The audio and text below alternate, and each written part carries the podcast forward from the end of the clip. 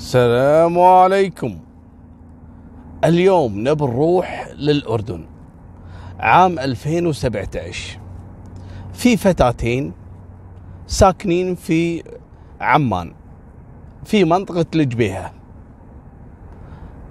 البنتين هذول شقيقات أعمارهم بالثلاثينات. المهم هذول لأنهم من عائلة فقيرة ويطمحون إلى الثراء السريع. قاموا يخططون في عمليات النصب والاحتيال. شلون؟ يحطون إعلان في الصحف. إن عندنا يعني بنت مستعدة إنها تشتغل كخادمة في البيت تنظف تطبخ بأجرة يومية. يعني تطبخ لك وتنظف لك البيت وتمشي. طبعا هذا كان إعلان وهمي علشان ترتب للجريمة اللي تبي تنفذها. شلون؟ لما تحط الإعلان والناس تصدق يعني مثلا واحد كبير في السن ما عنده أحد يرعاه مرة كبيرة في السن وتحتاج وحدة مثلا تطبخ لها ولا تراعيها نص يوم وتمشي فتتصل على هالبنت هذه. لكن هذه بحقيقة الأمر ما هي كانت يعني فعلا تبحث عن العمل لا. كانت تدور طريقة شلون تقدر تدخل إلى بيوت هالناس عن طريق الإعلان. وبالفعل نفذت هي واختها أكثر من عملية. تروح واحدة فيهم إلى البيت اللي محتاجين واحدة تطبخ ولا تشتغل ولا تنظف تشوف الوضع. البيت هذا يعني في أفراد كثير ولا واحد عايش بروحه مثلا هل العملية ممكن إن تتم بسهولة ولا لا؟ إذا شافوا الضحية ما عنده أقارب ما عنده مثلا أحد ممكن يشتبه فيهم أو يطاردهم ينفذون الجريمة. فتروح وتشتغل لها يوم يومين وبعدين تتصل على أختها. تقول لها تعالي في اليوم الفلاني. شو تسوي هذه؟ تطلب من الضحية اللي تشتغل عنده مثلا إنه يوديها للسوق يروح معاها مثلا السوبر ماركت يروح معاها الصيدلية أو يوديها المستشفى بحجة إنها تعبانة مثلا أو عندها حاجة. بغرض أنه تبي تطلع الضحية من بيته. في هالأثناء تتصل على أختها تقول لها روح البيت وتلاقين مثلا مفتاح الشقة إحنا حاطينه يعني تحت الفرشة مثلا وادخلي اسرقي اللي تقدرين عليه وترى في أماكن فيها ذهب فيها فلوس إلى أن تكون رجعت أختها هذه الخادمة مع الضحية من السوق. وتفاجأ مثلها مثل الضحية. لما تقع الجريمة اللي هي جريمة السرقة أو جريمة اللي يبي ينفذونها. طبعا سووا كذا عملية وما حد اشتبه بالخادمة هذه لأنها لحظة السرقة تكون موجودة مع الضحية بنفسه تكون معاه في السوق ولا تكون معاه في المستشفى فتكون الشبهة بعيدة عنها يعتقدون إنه مجرم ولا شخص يعني آه، استغل عدم وجود أهل البيت ونفذ هالموضوع بعد ما أنجزوا أكثر من عملية وأصبحوا أكثر حذر ويدورون عن ضحيه ما يكون عنده أقارب وموجودين اهله في البيت يعني من الصعوبة إنه يحصلون ضحية بهالمواصفات. المهم منتظرين الفرصة. ويوم من الأيام ومن سوء حظ رجل كبير في العمر عمره تقريب السبعينات رجل بحاجة إلى طباخة. كانت عنده طباخة تشتغل في البيت لكنها مشت وما عنده إلا خادمته الفلبينية. هذه تنظف له لكن ما تعرف تطبخ. والرجل هذا عياله كلهم عايشين في الإمارات وضعهم المادي جدا ممتاز لكن الشايب يبي يرتاح في آخر عمره في شقته في منطقة ينقال لها أم أذينة أو أم أذينة. المهم حط الشايب هذا الإعلان. وطاحت عيون هالبنتين النصابات على الإعلان. قالوا هذه فرصتنا. وقامت واحدة فيهم واتصلت عليه. أهلين عمو كيفك؟ وشو أخبارك؟ وأنا بطبخ أكل كتير طيب وبتاكل أصابعك وراه. ما يدري أنهم يبي يأكلونه. المسكين قال لهم حياكم تعالوا البيت. اقعدوا طبعا يومين ثلاثة يفكرون بالعملية. قبل لا تروح تشتغل هي أصلا ما تبي تتعب نفسها ولا تبي تشتغل عنده. ليش؟ تقول يعني تعلمت طبعا من أخطائها السابقة أن لما تشتغل عند شخص وتكون في آثار في البيت وكذا آه، ممكن إنها تدخل كمشتبه فيها في الجريمة. فهالمرة قالت لا إحنا نصبر الشايب هذا يومين ثلاثة إلى أن ننفذ الجريمة على طول بدون ما أدخل عنده في البيت وبدون ما أشتغل عنده. فقامت قالت له بس أبيك تعطيني يومين ثلاثة وأنا راح أجي لعندك وأشتغل. قال له الشايب ما في مشكلة. وفعلا في هالأثناء توقعوا البنتين هذول شنو كانوا يخططون. طبعا هذه التحريات بعدين. اكتشفوا إن البنتين هذول واحدة فيهم اشترت كتاب إلكتروني ونزلته في تليفونها. الكتاب هذا يتكلم عن طريقة السيطرة عن الأشخاص. شلون تسيطر على الشخص؟ لما تقتحم بيته شلون تربطه شلون ما يعني شلون يعني ما تترك أثر. يعني كانوا ناويين نية قشرة. كل هذا متى؟ بعد ما عرفوا أن الشايب هذا ثري وان عياله موجودين في الامارات وما عنده احد في الاردن الا هالخادمه الفلبينيه اللي مسكينه. يلا تشيل نفسها. كذلك كبيره في العمر وشغاله عنده من زمان.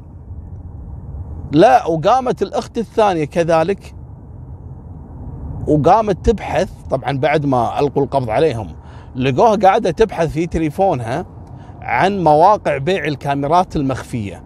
تبي تصور البيت وتعرف إذا البيت فيه مثلا كاميرات آه وين حاط مثلا الخزينة وين حاط المفاتيح يعني من هالكلام هذا لكن ما قدرت إنها تشتري الجهاز. مالكم بالطويلة قعدت ثلاثة أيام أربع أيام اتصل عليهم الشايب مرة ثانية. قال لهم أنا بصراحة محتاج ضروري وحدة تجي تطبخ لي وتشتغل عندي. يا إنك بتجين ولا بشوف وحدة غيرك. قالت لا خلاص أنا راح أجي لعندك. وفعلا راحت البنت واشتغلت عنده أول يوم شافت الوضع ولا في تجوري اللي هي القاصة مثل ما يسمونها أهل الأردن والعراق القاصة أو التجوري أو الخزينة يعني اللي يحتفظ فيها الأموال، خزينة كبيرة حاطها في غرفة نومة. قامت واتصلت على أختها اليوم الثاني قالت لها شوفي الموضوع ما يحتاج يعني تأجيل والبيت ما في أحد إلا الشايب وهذا يا دوب إنه يمشي. والخدامة كذلك الفلبينية كبيرة في العمر وما تقدر تقاوم. جيبي لك معاك شيء يعني نضرب فيه حديدة مطرقة وتعالي للبيت. قالت أوكي. وفعلا اليوم الثاني جت أختها واستقبلتها وعرفت الشايب على أختها. قالت هذه أختي وهذه تشتغل في المكان الفلاني ومن هالكلام. الشايب رحب فيهم حياك الله ومرحبا. وحتى الفلبينية المسكينة راحت وجابت لها يعني شوكليت وحطوا لها الشاي والقهوة من يعني يضيفون أخت هالبنت هذه اللي تشتغل عندهم ما صار لها يوم. فقام الشايب من عندهم استأذنهم قال أنا تعبان بروح الغرفة أبي أرتاح. والخدامة راحت تكمل تنظيف.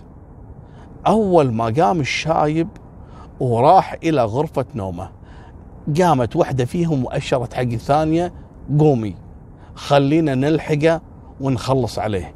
وبالفعل ويقومون البنتين بشكل وحشي ويلحقون هالشايب ويضربونه بالعصا الحديدية اللي كانت معاهم. الشايب تفاجأ ما مو مصدق إنه معقولة.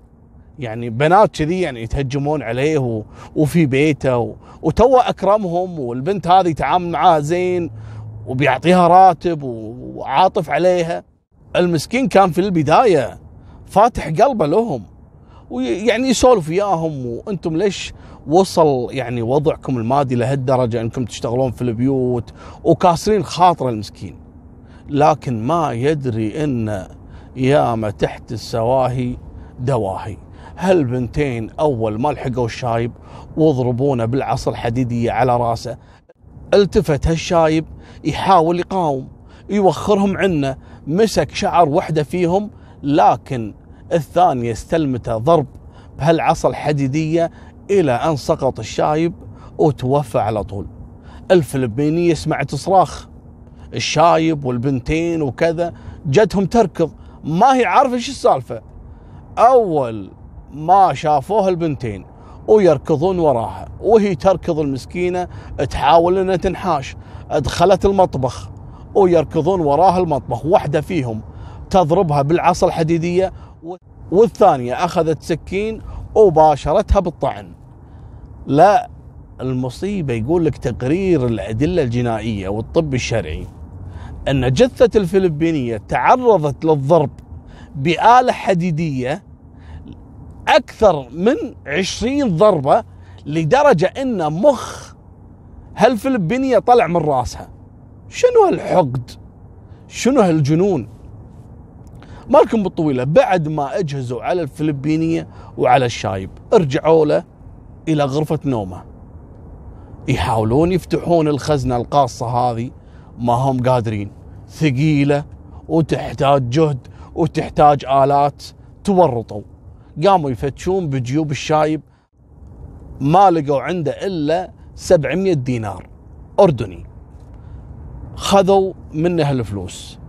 ومن كثر الدم اللي ملا ملابسهم قامت كل وحدة فيهم وتلبس من ملابس الشايب من الكبت. قاموا خذوا بنطلوناته ولبسوا فوق ملابسهم لأن ملابسهم صارت غرقانة بالدم.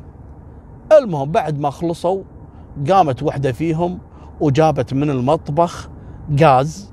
هذا الغاز سبق أنا اشترته من محطة بنزين.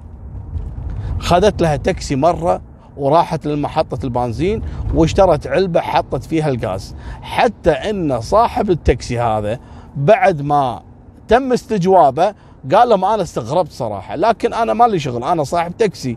قالت لي أبي الغاز وسألتها ليش؟ قالت لأن عندي مدفأة. صح في الأردن في عندهم مدافع مرات يكونون في يحطون فيها أو يسمونها صوبيا أو شيء تعبى في الغاز أو اللي هو البترول هذا.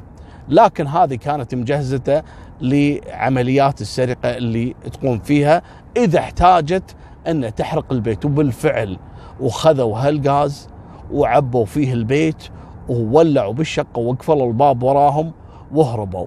لما راحوا إلى بيتهم اللي هي الشقه اللي كانوا مستأجرينها علشان ينفذون الجريمة قاموا رموا فيها الملابس وغسلوها وبعد ما غسلوها رموها في حاويات القمامة وسلموا مفتاح الشقة حق صاحب البناية اللي مستأجرين منه.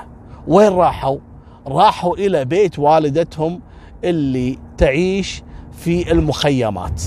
والدتهم قاعدة هناك بعد ما توفى أبوهم البنتين عاشت المسكينة هذيك في المخيمات، البنتين راحوا عند امهم هناك. ولعت الشقة. وحضروا رجال الأمن بعد بلاغ الجيران. وش السالفة؟ يوم افتحوا الشقة وطفوها ولا جثتين. جثة الشايب السبعيني وجثة الفلبينية. ومبين أنهم تعرضوا للضرب بآلة حديدية. منو الشخص اللي له دافع انه يقتل هالشايب وليش؟ ما هم عارفين. لأن حتى التجوري مو مكسور. مالكم بالطويلة. يدورون يدورون يقلبوا الدنيا. الكاميرات القطت رقم لوحة التاكسي اللي وصل الأخت الثانية في الشارع بعد ما حصل يعني قبل قبل لا تحصل هالجريمة. قاموا يستدعون أي تاكسي أي سيارة غريبة مرت فيها الشارع قبل وقوع الجريمة. كان من بينهم راعي التاكسي وفعلا واللي أكد إنه وصل فتاة آه، في اليوم الفلاني والساعة الفلانية من منطقة الجبيه إلى شقة الشايب اللي احترقت ذاك اليوم. قالوا له وين بيتها قالوا المكان الفلاني. يوم راحوا لجبيه ونفس العمارة اللي كانت واقفة منها وأشرت وخذت تاكسي وقعدوا يسألون العمارات اللي صاحب التاكسي خذ البنت من قدام هالعمارات هذه. طلع صاحب العمارة وقال لهم فعلا أنا عندي بنتين كانوا مأجرين عندي شقة وطلعوا منها في اليوم اللي يعني قاعد يبحثون عنه رجال الأمن اللي ولعت فيه شقة هالسبعيني. عندك بياناتهم قال لا والله ما عندي بس في عقد والعقد هذا حاطين فيه أسمائهم وبياناتهم. جابوا العقد وطلعوا أسامي البنات قعدوا يبحثون استدلوا على شقة أمهم اللي موجودة في المخيمات. يوم راحوا هناك ألقوا القبض على البنتين. لكن الكارثة والمصيبة أن البنتين يعني عندهم باس قوي وعندهم يعني قوة جرأة ما هي طبيعية. ليش؟ يوم سألوهم رجال الأمن أنكروا قالوا لا مو صحيح.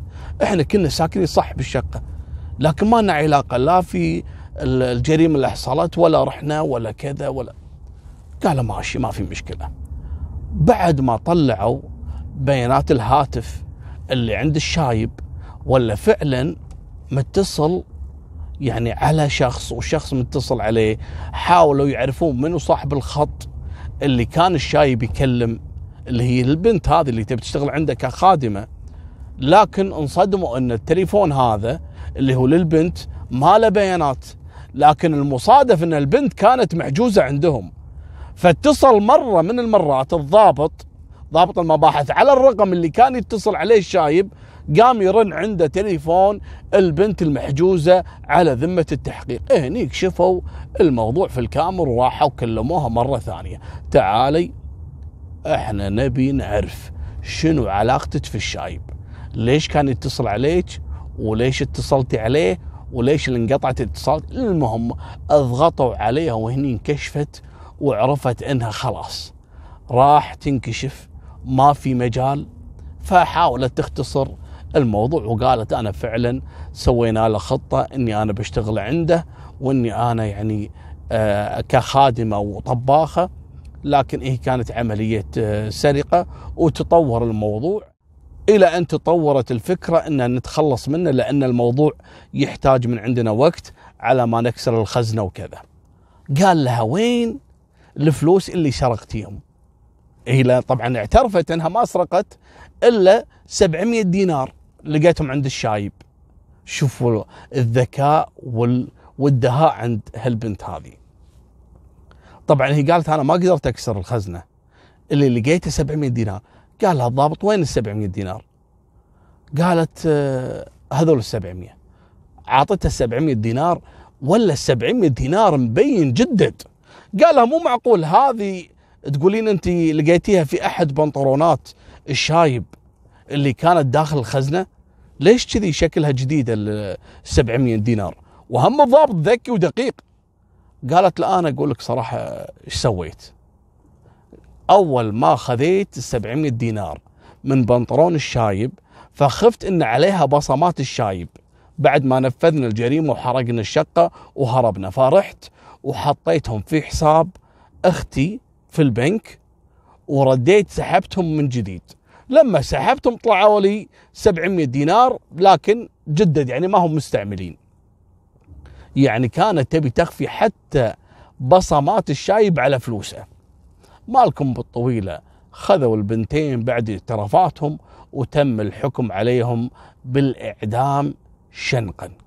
لكن أنا صراحة بحثت آه، ما أدري شنو طريقة الإعدامات في الأردن هل هي تأخر أو شيء المهم مالكم بالطويلة البنتين لكن البنتين خذوا جزاءهم تعتقدون إن هذه قصة الليلة؟ لا. قصة الليلة أبشع من هذه بكثير. كذلك حصلت في الأردن. وين في الأردن يا أبو طلال هالمرة؟ في أبو علندة منطقة اسمها أبو علندة في الأردن. والكلام هذا صار في سنة 2008 في واحد ينقال له عماد نوفل. عماد نوفل هذا أكبر إخوانه عمره 35 سنة. عماد كان يشتغل في الدفاع المدني الأردني. لكن الولد راعي مشاكل. ودائما مشاجراته مع أبوه وإخوانه وأسرته لأن هو الولد هذا مفشلهم ودائما يضعهم في مواقف محرجة لدرجة أن أبو عماد مخليه يسكن عنده في أحد الشقق في بنايته لكن يجبره أنه يدفع الإيجار. قال له اعتمد على نفسك. أنا ما أقعد طول عمري وأنا أصرف عليك وعلى عيالك. هذا عماد أول مرة تزوج تزوج رقاصة.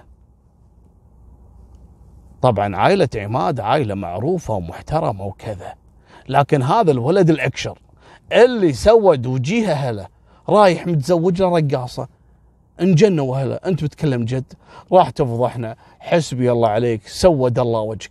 عوائل صحيح ان محترمين وصحيح ان أخلاق لكن سبحان الله يطلع لهم واحد يعك يطلع لهم واحد مثلا يخرب الدنيا. مالكم بالطويلة. هذا عماد سوى مثل هالسالفة. عائلته محترمة وناس راقين ورايح متزوج له وحدة رقاصة لاقيها في أحد الملاهي. غضب عليه أبوه واخوانه وجماعته. قالوا له خلاص من يومها أبوه كرهه فشله. لذلك قام يضغط عليه إنه ما يصرف له ولا يعطيه شيء حتى الشقة اللي ساكن فيها. في بنايته يدفع ايجارها بعد فترة عماد هذا زهق. كلهم يعايرونه بهالرقاصة. قام وطلقها تزوج وحدة ثانية. وحدة بنت حلال ومحترمة وأخلاق ومن عائلة محترمة. جاب منها عيال. صار عنده ولد ينقال عبد الله ثمان سنوات. والثاني عمره سبع سنوات والثالث عمره خمس سنوات. بعد فترة عماد ما ما يقعد راحة. قام وطلق الثانية. لا وحرمها من عيالها. قال لها عيالك ما تشوفيني. يلا اذرفي وروحي لأهلك. والعيال عندي. العيال وخذ منها العيال. ليش تاخذ العيال؟ والله أنا اربيهم والله عيالي صراحة يقعدون عندي ولا يروحون عند امهم زين شلون تربيهم؟ قال لا أنا أتزوج الثالثة. وبالفعل تزوج وحدة. ثالثة مرة محترمة أخلاق جميلة ما فيها أي قصور ووافقت إنها حتى تربي عياله من زوجته اللي طلقها. لكن عماد ما يقعد راحة. كل يوم الثاني ماسك هالزوجة الثالثة وضرب فيها. ليش؟ كانت هذه الدافع عن عياله لما يقوم عماد ويعصب ويحط غضبه كله على عياله تدخل هذه المسكينة. تقول له حرام عليك هذول صغار ما يفهمون. انت شو دخلك؟ هذول اولادي وانت ما خصك. ويمسكها ويكفخها.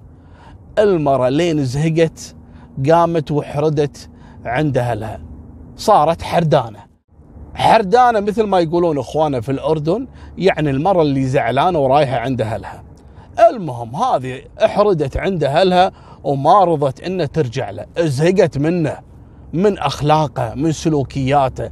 والولد قام يتماده وقعد عند عياله. من جديد لا مره ولا يعني أحد يرعاه. وفوق هذا ما قام يداوم وفصلوه من الدفاع المدني وصارت حالته المادية من سيء إلى اسوء كل ماله تسوء حالته. لا وفوق هذا أبوه كل يوم والثاني يتصل عليه. يا عماد وين الإيجار؟ يا عماد أنت ما منك فايدة. يا عماد الأولاد اللي مثلك هم اللي بيساعدوا أبوهم وأنت حتى إيجار مش قادر تدفع. يعني شوي شوي شوي راح ينفجر. لا حول ولا قوة إلا بالله. سيكل من قلب أعتقد.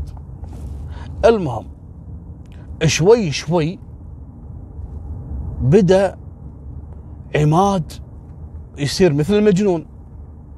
عماد يقول لك متعافي وصاحي ما فيه ولا مرض ولا شيء لكن الولد يعني أموره معوكسة بسبه يعني ردة الفعل اللي عنده هذه. سريع الغضب وكل يوم الثاني طارد وحده وماخذ وحده. وهالسوالف. عياله كاسرين خاطره. انهم قاعدين لا عندهم ام لا هو قادر يعني مثلا يرعاهم ولا يوكلهم ولا يشربهم. فالولد ضربت فيوزاته بعد ما زوجته الثالثة راحت عند أهلها. لكن عماد كذلك في بلة. عماد كان حاط عينه على جارته. عنده جارته هذه كذلك ساكنة في بناية أبو عماد. جارته ينقال لها خولة عمرها 32 سنة. وعندها ولد وبنت. أعمارهم ثلاث سنوات أربع سنوات. وكان عماد عينه عليها ويحاول إنه يتحرش فيها وهذه مرة متزوجة ومحترمة وأخلاق ودائما تصده وما تبي تقول حق زوجها علشان ما يرتكب فيه جريمة. لكن هذا يشوفها ساكتة قام يتمادى زيادة عن اللزوم. وهذاك اليوم ويقرر عماد إنه يرتكب جريمة. في باله إنه يقتحم شقة جارته اللي هي خولة هذه ويعتدي عليها. توقعوا شنو سوى؟ أخذ معاه سكينين سكين سكينتين.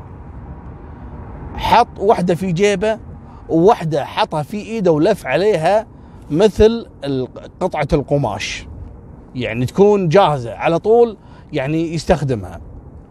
والإيد الثانية جاب الشريط اللاصق هذا مال اللزاق يعني هذا وقطعه إلى شئف إلى قطع يعني وحطها على إيده علشان يستخدم على طول ويكمم أفواه عيالها ويكمم يعني فم اللي هي الضحية خولة.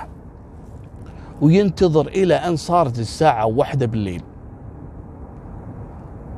شلون دخل عماد نوفل إلى شقة خولة؟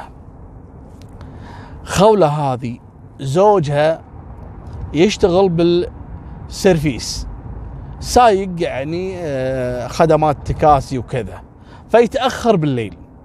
هذا الزوج يوم من الأيام رجع للبيت متأخر كالعادة يعني خلص دوامه ورجع البيت الساعة ثلاث أربع الفجر يطق الباب خولة نايمة.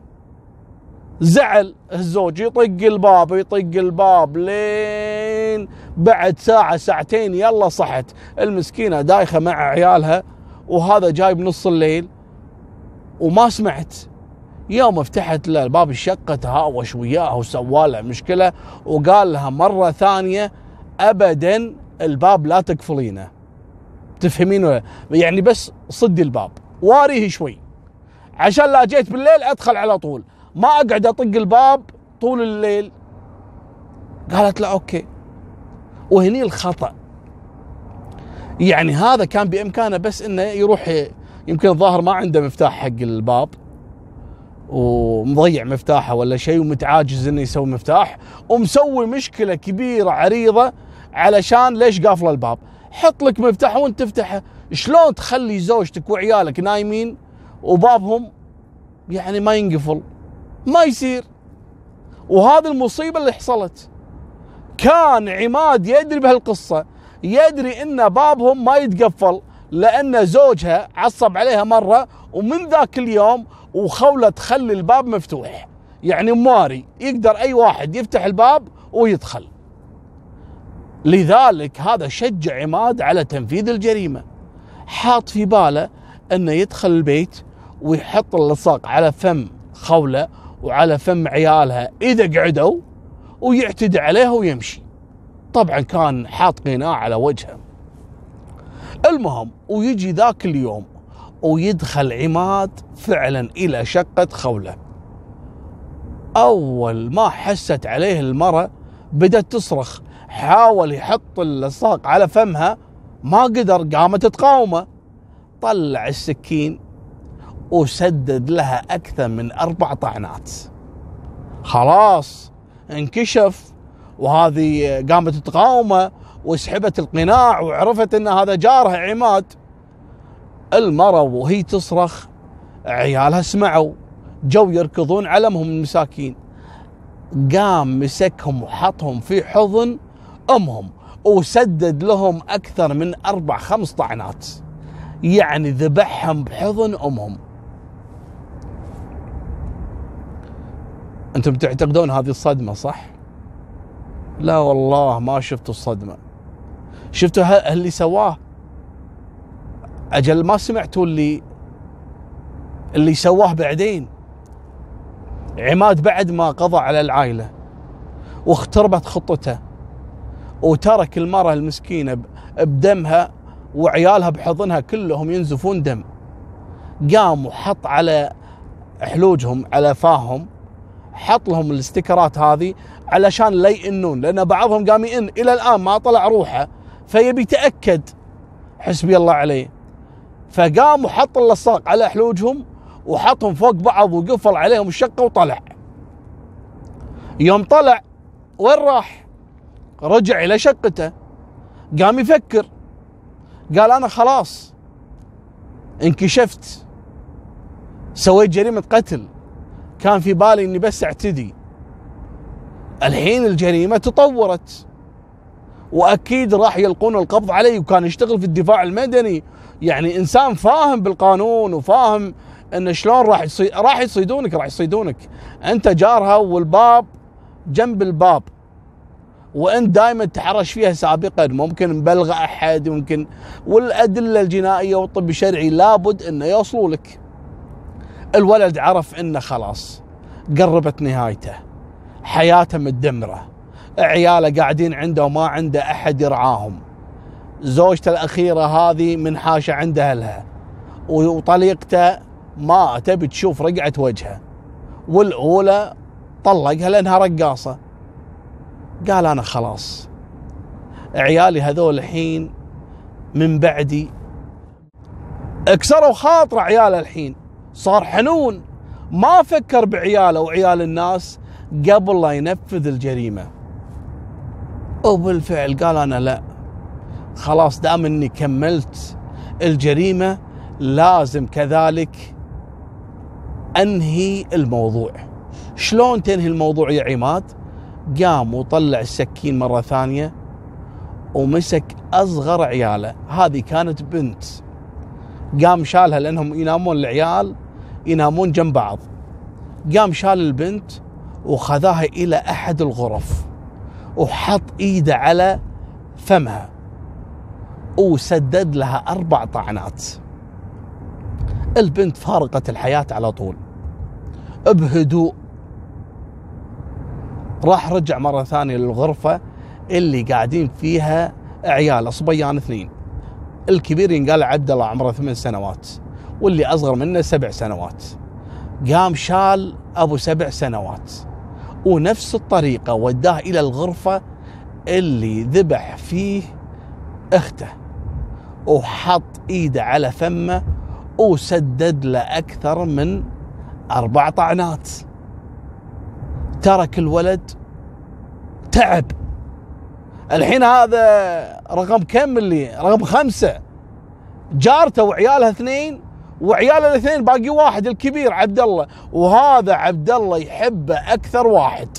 شفت الملعون خير عماد؟ يحب عبد الله ولده.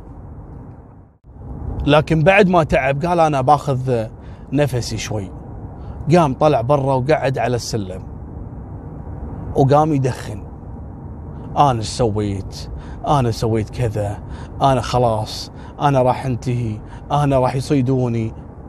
قال لا لا لازم أخلص. بس بقى منه الحين عبد الله. ويرجع مرة ثانية إلى عبد الله. ولا هذا عبد الله الظاهر حس أن أخوانه مو جنبه كالعاده نايمين. فقام. أول ما شاف أبوه ولا أبوه غرقان بالدم وماسك بيده سكين. ويمسك عبد الله وعلى طول ويعطيه طعنة في بطنه. قام يصرخ الولد يقول له يا بابا أنا بحبك يا بابا. خلاص أنا ما راح أعيد أغلاطي. وهو يفكر ان أبوي بيعاقبه الظهر أبوه يعني زعلان إن عبد الله هذا مرتكب خطأ قبل ولا شيء. الولد يعني طعنة. تخيل أنت ولد بهالعمر يقول حق أبوه بابا أنا بحبك يا بابا أنا وماسك بطنه كذي يعني يتألم. هذا ما هز اشعاره في عماد المجنون هذا. اللي قام وسدد حق عبد الله لأنه يحبه ولأنه يبي يتأكد إن عبد الله يموت سدد له 20 طعنة في بطنه في راسه في ظهره إلى أن شرح الولد. خلص الجريمة. وبدل ملابسه وخذ ملابس زوجته الحردانه عند اهلها جمعهم وحطهم في كيس وراح طلع من الشقه. بعد ما قفل الباب وراح إلى شقه اللي قاعدة فيه زوجته عند اهلها وحط ملابسها عند الباب وقام واتصل عليها.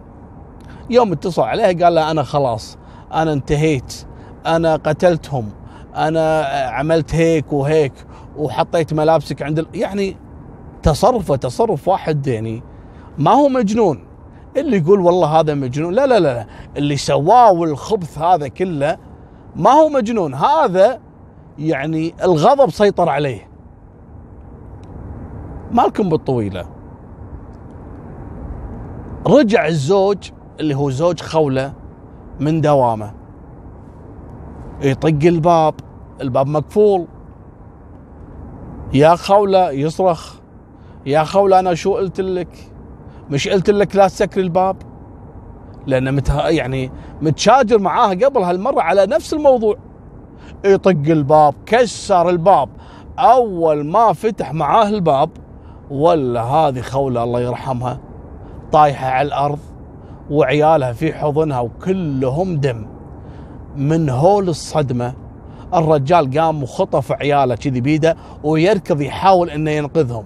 طبعا هو ما يدري إنهم يعني متوفين وشافوه الناس بالشارع ومسكوه وردوه مرة ثانية للشقة بعد ما وصلوا رجال الأمن والطب الشرعي والإسعاف قرروا أنهم كلهم متوفين. قعدوا يبحثون من اللي سوى هالجريمة اكتشفوا أن شقة جارهم كذلك فيها أنه لأن الدم اللي طالع من شقة خولة واصل إلى باب الشقة اللي ساكن فيها عماد. يطقون الباب ما حد يفتح. كسروا الباب. ولا عياله كذلك مثل عيال خولة مذبوحين وطايحين في الأرض. التقرير الصحفي اللي ذكروه الصحافة أيامها في عام 2008 يقول لك أطباء الطب الشرعي أصيبوا بحالة إعياء. يعني كذا طبيب طاح مريض. لما قاموا يشرحون ويفحصون الجثث كذا طبيب طاح مريض من الموقف اللي شافه من العيال شلون مطعينين في البطن وفي الراس وفي الظهر وخصوصا عبد الله يعني وحشية عمرها ما صارت.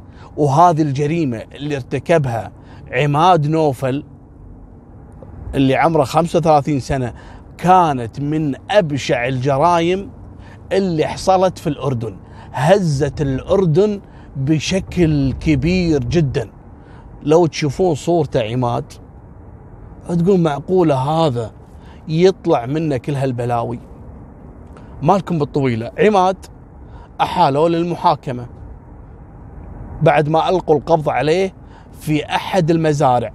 طبعا من اللي بلغ عليه؟ بلغت زوجته الحردانه عند أهلها. قالت عماد اتصل علي وقال لي أنا قتلتهم وكذا بعد ما سمعت بالجريمة. وين عطتهم بياناته وقال لها أنا بروح المكان الفلاني. هذه مزرعة قريبة من المنطقة اللي هو ساكن فيها. وفعلا راحوا رجال الأمن ولقوا عماد هناك وألقوا القبض عليه. تعال يا عماد حسبي الله ونعم الوكيل فيك. ليش يا عماد؟ قال والله أنا كنت بدي اعتدي على خولة وكانت بتصدني ولما قاومتني أنا اضطريت إني أقتلها. زين. إلى الآن هذا الكلام اللي قاله عماد. لكن اسمعوا الصدمة. زوجة عماد اللي كانت زعلانة عند أهلها بعد ما استدعوها للتحقيق. قالت عماد كذاب. قالوا كذاب في أي نقطة يعني؟ قالت كذاب أن هو كان يتحرش في خولة وخولة انسانه محترمه الله يرحمها وأخلاق وعماد هذا إنسان ساقط وغير محترم ووحش. قالوا لها ليش؟